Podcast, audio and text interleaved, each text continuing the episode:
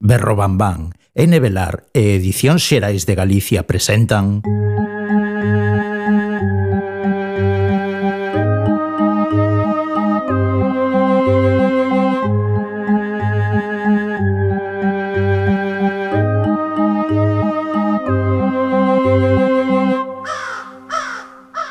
Trece avisos. Historias para escoitar pola noite.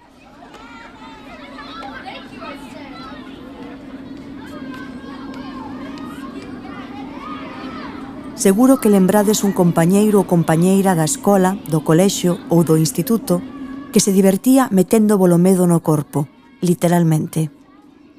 Murmuraba a modo, cun sorriso, as palabras axeitadas, e cando tiña seguridade de que o medo xa niñaba dentro de ti, botabas a rir abertamente do parva que eras. E despreocupábase do que podería acontecer esa mesma noite, cando estiveses soa no teu cuarto. Un compañeiro meu, o que se sentaba á miña dereita na clase, faloume dos ollos das bonecas. Díxome que o estar sempre abertos eran como a portas polas que podería entrar calquera demo. O chegar a casa, decateime de que a miña cama estaba cuberta de bonecas, todas cos ollos abertos. Non reparara nelas, de feito había tempo que non lles prestaba atención, ata ese día. Atravesoume un arrepío pola caluga, pero negueime a permitir que o meu compañeiro me aterrorizase. Acordei de madrugada cunha sensación extraña, incorporeime na cama e a luz da lúa que se coaba entre os ocos da persiana vin as bonecas, perfectamente sentadas no chan, onde as deixara, todas mirándome coas súas meniñas inmóviles, nas que cintilaba un reflexo maligno. Son Paula Carballeira e doucha a benvida a 13 avisos, un podcast onde falamos sobre o medo, contamos historias e intentamos explicar o inexplicable para poder dormir pola noite sen temor aos pesadelos. Música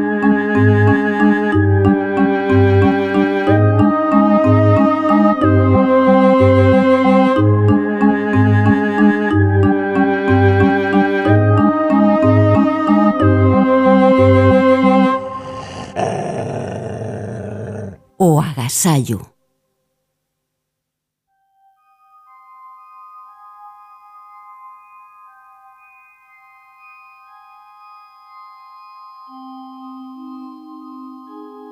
Cando Elena colleu a boneca que levaba pedindo un ano enteiro, tremíanlle as mans. É a que querías, non? Parabéns, miña ruliña. Cinco anos xa. Elena non escoitaba nin a súa nai nin os seus avós, non reaccionaba. Miraba a boneca, feliz. Porén, aproveitando o momento no que foron buscar a torta para que soprase as candeas de aniversario, Elena colleu a boneca e lanzou unha lonxe, detrás do sofá. Onde está a boneca, Elena? Non sei. Seguro que quedou agochada entre tantos regalos. A nai buscou a boneca e atopouna. Toma, Elena. Coidá, ben, que non foi fácil de conseguir. Esas bonecas valen un ollo da cara. Facíalle tanta ilusión. Despois da festa e de despedilos a vós, a nai descubriu a boneca debaixo dun coxín. Elena, que fai a boneca co coxín en riba? Está dormindo. E non queres dormir ti con ela? Non. Veña, Leva para a túa cama. Así non se sente soa. A boneca non se sente soa. A boneca é mala. Por que dis iso? Porque sí. A nai insistiu e puxo a boneca a carón de Elena, coa cabeciña apoiada na almofada. Elena afastouse. A maña seguinte, a nai atopou a boneca no corredor. Que fai a boneca no corredor? Está castigada. Enfadaxeste con ela? Sí. Que mala. Anai colleu a boneca, suspirou e levouna de volta ao cuarto de Helena. O día seguinte, era Helena quen estaba no corredor. Helena, dormiches no chan? Sí. A boneca botoume. Di que o cuarto é seu. As bonecas non falan. Eu escoitoa. Non inventes. Non invento nada. Unha tarde, Mentres Helena xogaba no xardín, a nai escoitou un son extraño ao pasar por diante do cuarto da nena, semellante a un zunido de abellas. Entrou no cuarto e o son parou. Todo estaba en orde, pero a nai tivo unha sensación desagradable ao mirar a boneca, ao mirar todas as bonecas que tiña Helena, como se a sorprendese tramando algo. Que parva. Son bonecas, nada máis. Pouco despois, Ao agacharse para coller un xoguete ciscado no chan, a nai sentiu claramente unhas mans que a empuxaban e precipitouse escaleiras abaixo.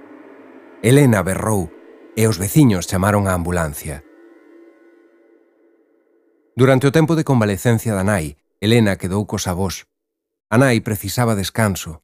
Rompera un brazo, o esquerdo, pero podía manexarse ben co outro. Ao pouco, Elena volveu Feliz de ver a súa nai cun sorriso na cara. Foi correndo cara ao seu cuarto. Mamá, onde están as bonecas? Tireinas no lixo. Xa és maior para bonecas, non che parece? As outras non eran malas. Só a nova, Valeria. A Anai subiulle un arrepío polas costas. Na súa familia contábase a historia dunha nena que vivira nesa casa, unha nena que andaba sempre coa súa boneca. A nena era caprichosa. Tiña un ollar e unha maneira de falar coa boneca que a xente lle producía desacougo. Acabaron por mandala a un internado. Acabaron por esquecela. Agas o seu nome. Chamábase Valeria.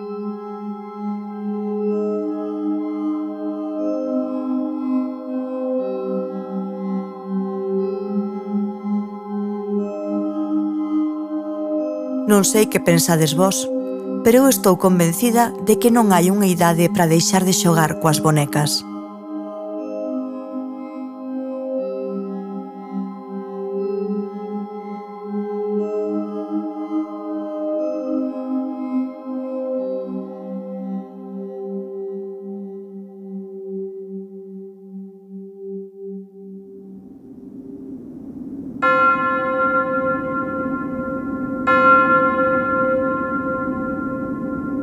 Aviso número 2.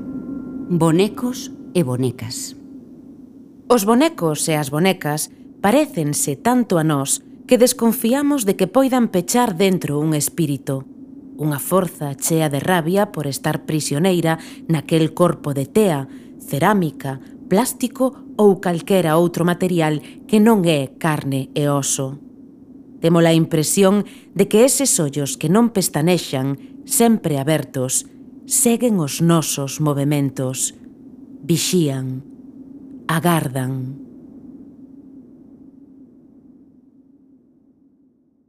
No cine de terror, o tema do boneco ou boneca diabólica dá moito de sí. Desde o famoso Chucky a Anabel, Megan ou Billy da saga Show, pero tamén o Freddy de Historias para no dormir, a serie de Chicho Ibáñez Serrador. Os monicreques e o vodú contribúen a crear lendas a partir de presuntos casos reais como o do boneco Robert ou das bonecas Leta, Mandy ou Pupa, que se moven soas e seguen a xente coa mirada.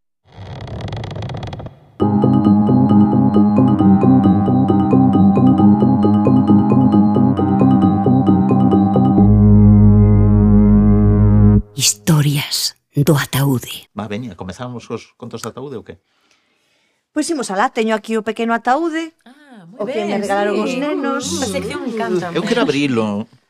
Deixasme abrilo. o ataúde? Sí. Eh, Con cuidado. A... Espera, facemos ah, un sí, efecto sonoro en directo de Queres. Vale, así, espera, sí, pois pues, sí, guai. Que delicado. Veña. Eh.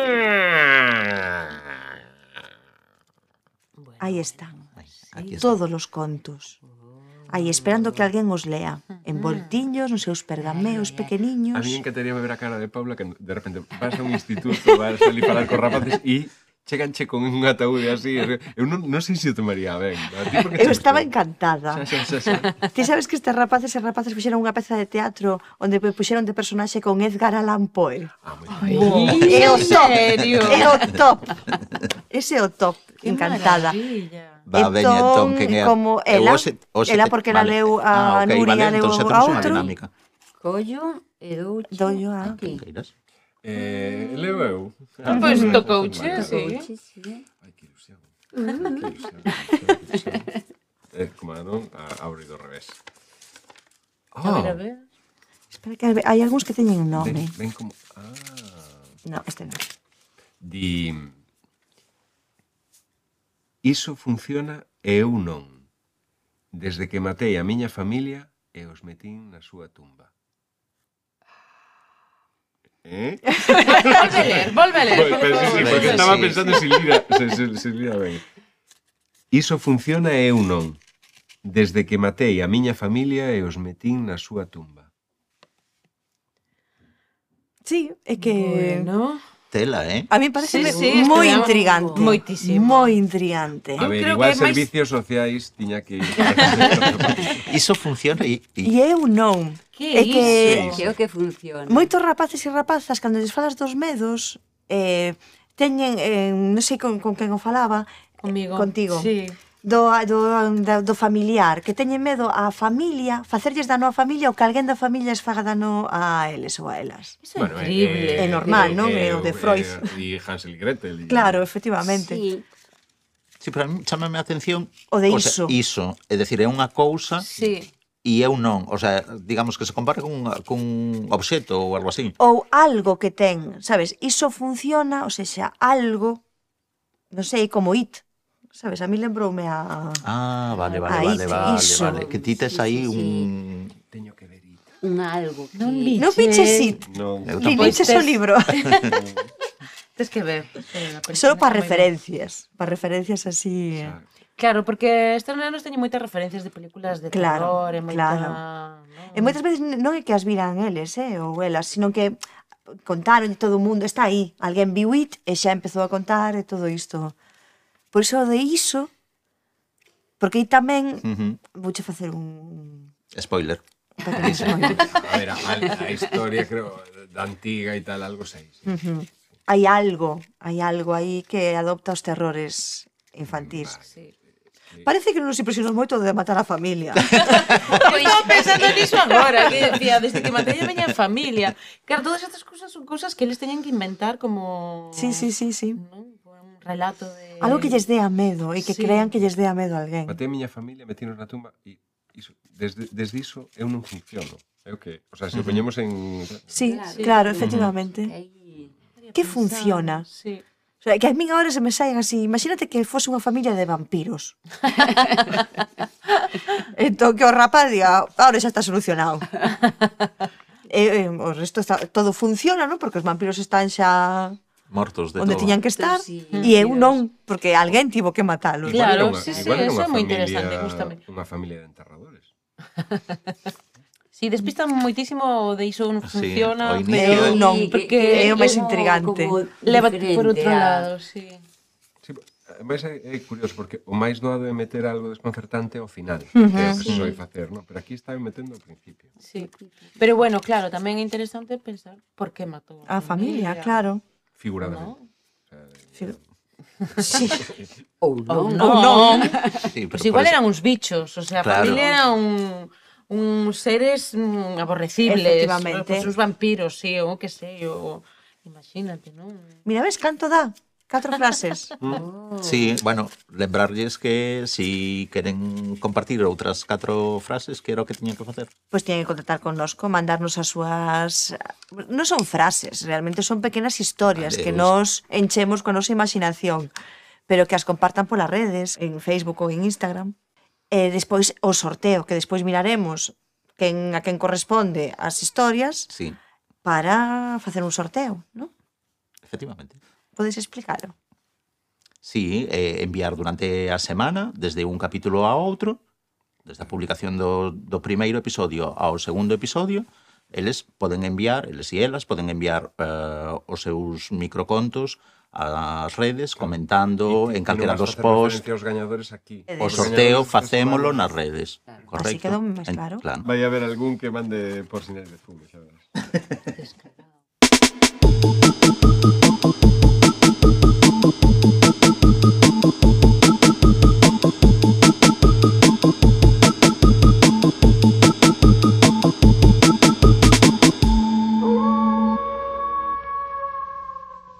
voces desde o alén. Queremos escoitar esas voces que nos chegan desde diferentes lugares, voces de persoas que saben sobre o medo, sobre os medos, que os escriben, os debuxan, os contan, os imaxinan e os comparten. Persoas que para nós, de algún xeito, son unha referencia nestes eidos misteriosos nos que nos movemos. Hoxe en Voces desde o Alén entrevistamos a Érica Couto Ferreira. Ela é doutora en Historia e especialista en Historia Antiga e Asirioloxía. Acaba de publicar en Calandraca o libro Corpos, as outras vidas do cadáver. Un libro que, como ela mesma di, está cheo de anécdotas históricas e de casos curiosos arredor de eixos temáticos como os experimentos de conservación dos cadáveres ao longo da historia, a figura do verdugo como creador de cadáveres ou o fenómeno do vampirismo, É tamén autora da novela de terror El Metia e dos ensaios Infierno, El más allá en la Mesopotamia antigua e Infestación, unha historia cultural de las casas encantadas. Colabora ademais nos podcast Vaya Barullo en Ismuth e Todo tranquilo en Dunwich. sempre empezamos así esta entrevista eh, cunha pregunta de medo individual. Si lembras a primeira vez, ou bueno, sí, a primeira lembranza que se che veña a cabeza de sentir medo. Non é que teña, a ver, non, non teño grabado na, na mente ese momento exacto no que sentín o medo por primeira vez, pero sí que me lembro do primeiro gran medo que tiven de pequena, que foi ademais un medo bastante duradeiro, bastante estendido no tempo, que foi o medo da a escuridade. Eu fui unha desas nenas que para dormir pola noite precisaba ter unha luz prendida mm. preto preto do, do cuarto. E miña nai sempre de, deixaba eh, cendida pois a, a luz do corredor. Eh, para min era, bueno, pois esa esa luz indicaba unha presencia, unha presencia que me guardaba, da que me podía fiar, era un punto de referencia e acompañoume durante bueno, bastantes anos, non sei exactamente cantos anos tiña cando decidín que xa non me facía falta. Tamén decidí no eu, ninguén me presionou para deixalo. Un día dixen a miña nai, podes apagar a luz que xa non me fai falta, non? é, digamos que o medo curouse eso non sei moi ben como, non? Pero si ese medo da escuridade acompañoume, pois iso, uns, uns anos importantes durante a infancia. Claro, e ti crees que ese tipo de medos, non o medo da escuridade, que é un medo común sí. a, digamos, a, ao ser humano? Sí, a ver, eu, eu creo que sí que hai uns, uns medos comuns á humanidade, que son xerais, que son o medo á, eh, á enfermidade, á dor, digamos que son, mm, a ver, comuns a, a, ao xénero humano como, como animal, non? De, de algún xeito. Pero despois eses eh, medos xerais sí que se concretizan en, en medos eh, comunitarios eh, eh ou incluso individuais, dependendo das circunstancias de vida de cada comunidade ou de cada eh, grupo humano o, o ambiente no que vivimos determina en gran medida eses medos eh, máis específicos a nivel cultural. Non é o mesmo vivir eh, Cabo do Mar co medo de que, o mellor, pois, quen teña eh, mariñeiros na familia sabe o que significa non eh, temer que non volvan do mar, que eh, o medo que poida ter unha comunidade nómada que vive no deserto ou o, os medos que un pode ter nunha gran cidade onde, bueno, pois eh, cada vez que colles o, o mellor o transporte público de noite, pois non sabes o que che pode pasar, non? E creo que o medo eh, acomúnanos de tal maneira que somos capaces de identificarnos incluso con medos culturalmente distintos porque sempre hai ese fío común de perder o que coñecemos, non de que a orde na que vivimos, na que nos movemos, eses principios que sustentan o noso día a día, poidan cair, pois, poidan destruir por eh, ameazas externas. Non? Uh -huh. E agora que, que tamén me parece moi interesante, as formas de ficción que lles damos os medos, non digamos as criaturas, as criaturas eh, fantásticas. Eh, na miña experiencia hai tres, digamos, criaturas que se repiten moito en moitas culturas e que tamén teñen unha base eh, moi oral, non? De, de contos que falan pois de vampiros, por exemplo, de lobisomes, non só lobisomes, tamén hai mulleres que por algún tipo de maldición pois poidan pertencer á familia do lobo, non? E que envolve da morte baixo diferentes formas, non? Eh, no teu libro de corpos tamén hai un apartado así do vampiro, bueno, a, as criaturas que volven da morte, e sempre hai como un medo non a esa volta do, do máis alá. Sí, eu creo que, a ver, que todas esas criaturas teñen en común, creo eu, o medo a romper fronteiras que están moi ben establecidas e que nos permiten eh, saber onde estamos nós e onde están os demais.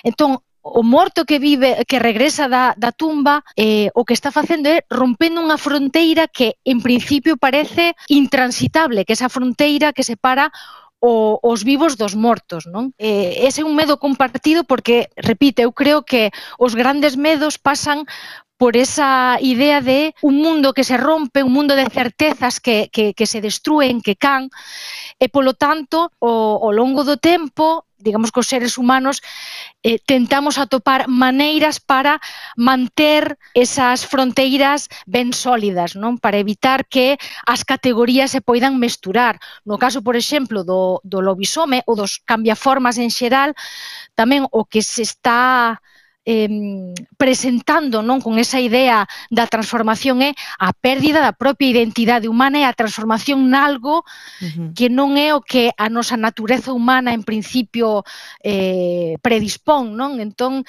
creo que en todos eses medos, en todas esas figuras eh, monstruosas, co que se xoga ao final é con, con esa idea de disolución, de destrucción, de perda do que coñecemos, de transformación nalgo que non podemos controlar, que nos resulta descoñecido.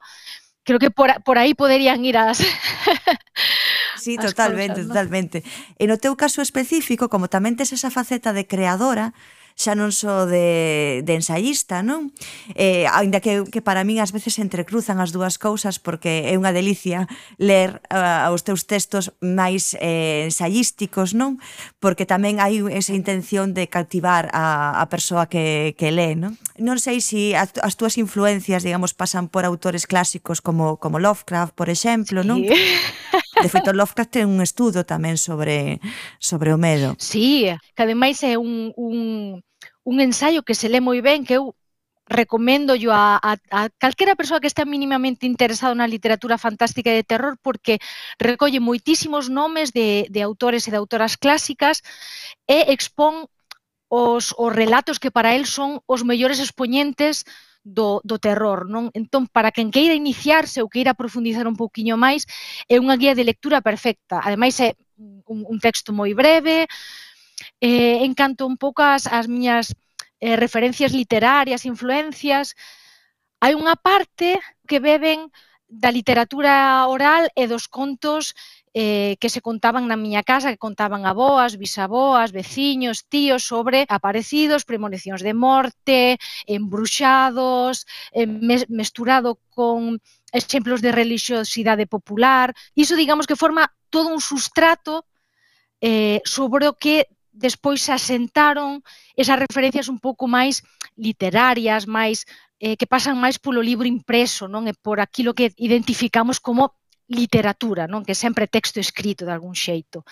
E aí, pois, eh, a ver, referentes eh, básicos para min, pois, foron Stephen King, porque claro, eu crecín durante os 90, entón Stephen King era como o pai da literatura de terror anglosaxona que había que ler, pero despois eh, entre os clásicos pois están Edgar Allan Poe, está Hoffman, Oscar Wilde, autoras como eh, Elizabeth Gaskell, como as, as Irmáns Bronte, que tamén teñen moito de, pois ese, desa atmósfera eh, gótica máis clásica. Eh, posteriormente, pois Shirley Jackson, por exemplo, é unha autora que me gusta moito. Alemáns, pois como Evers, como Strobel, eh, pois Jan Rey, etcétera, etcétera. Eh, a, a miña produción de ficción, que tamén é unha produción moi pequeniña, non teño esa noveliña curta de Met e algúns relatos, pero, como digo, de toda esa mestura, pois eh, saen estas estas obriñas, non? De, de terror e de fantástico. Eh, ti crees que, que agora é o momento do podcast? Mm, non sei, como unha redescuberta do, do universo da, pois, da radio, dos podcast, do son. Eu creo ¿no? que sí. A ver, tamén é certo que eu crecín coa radio, porque digamos que na, na aldea non nos anos 80, nos, eh, a principios dos 90, eh, a oferta cultural que un tiña era limitadísima. Eh, na miña aldea, por non haber, non había ningún kiosco onde comprar unha revista, unha, o que fose, non? Entón, eh, a radio, para min, a nivel formativo foi moi importante, porque descubrín moitísimos grupos de música, por exemplo, de música independente, eu escoitaba moi, moito Radio 3, escoitaba programas tamén eh, de corte esotérico, de misterio, Espacio en Blanco, por exemplo, durante os veráns. Eh, e para min, pois iso, a, a radio sempre foi unha parte moi importante a nivel formativo, non? E por iso chama a atención que pois iso, 30 anos despois, eh, o público estea redescubrindo pois os audiolibros, os podcasts, a radio. Creo que é un bo momento eh, e creo que tamén é positivo que nun mundo no que estamos sempre pois vendo vídeos de 30 segundos de xente, pois non sei, facendo parvadas ou de gatiños vestidos de con tutús e tal, pois que alguén ou que, ou que moitas persoas decidan pois eh, pasar unha hora, ou hora e media ou media hora, pois escoitando algo moi específico sobre eh, unha análise dun, dun filme, per, por exemplo, ou sobre unha análise dun libro, ou unha análise da actualidade. Ou, eh, nós, cando empezamos o noso podcast, que é un podcast moi pequeniño, que se chama Todo Tranquilo en Dunwich, onde falamos sobre todo de, de literatura fantástica, empezamos no 2016, cando non se facían tantos podcasts, e fixémolo por gusto e por placer. e facémolo aínda por gusto e por placer. é unha para min é unha satisfacción ver que nestes seis, sete anos, pois o podcast convertiuse en algo revolucionario sendo unha cousa moi clásica, non? Uh -huh. Moi de toda a vida, porque non realmente cambiou pouco respecto á radio de hai 30 anos. Sí, sí que ten moito sentido, non? Que xusto nesta sociedade onde todo é pantalla, ter a xente que te fale a ti, ter lugares onde pois as túas inquedanzas sí. teñan un oco, eh, é moi importante, non? E se si nos podías contar algo que che acontecera, algo que che deixara así co corpo un poquiño intranquilo. Algo real, non conto, non? Como se adoita de decir, isto non é un conto. pois sí, a ver, o que vou contar é unha anécdota moi pequeniña, pero que eu creo que fala dun medo moi grande. Eh, foi algo que me aconteceu, pois hai, creo que hai cousa de 4 anos, co meu fillo, cando meu fillo tiña como uns 5 anos, eh, saímos a dar un paseo aquí por polo pobo onde vivimos, que está pois, no curuto dunha, dunha colina, que está coroado por un, por un castelo. E fomos dar un paseo, íamos cara, pois iso, costa arriba cara, cara ao castelo, non? E chegamos a unha bifurcación e meu fillo díxome, mamá, mira, ti vai por ese, por ese camiño, e vou por este outro, e a ver quen chega antes. Arriba, nada, eran 100 metros. Vale, dixen, moi ben, veña. Subimos, eu cando cheguei arriba, non vin o meu fillo. Esperei, agardei por el, e non aparecía. Eu non os coitaba, había un silencio absoluto, obviamente era unha zona pois, con, con casas, algúns garaxes, algúns xardíns con balados altos, pero non se escoitaba absolutamente nada. Claro, nese momento de espera, o que se abre é un, un inferno de posibilidades, porque neses 100 metros o que, o que pensas como nai é que lle puido pasar calquera cousa. É unha situación, ademais, que te obriga a imaginar un mundo e unha vida no que o teu fillo non existe. Porque neses dous minutos, tres minutos, cinco minutos que estás esperando, o que ves é un mundo no que teu fillo deixou de existir. Eh, ese minuto foi un abismo absoluto, non? E de feito, digamos que os meus peores medos naceron coa maternidade.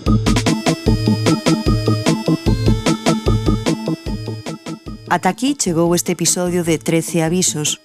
Moitas grazas por acompañarnos.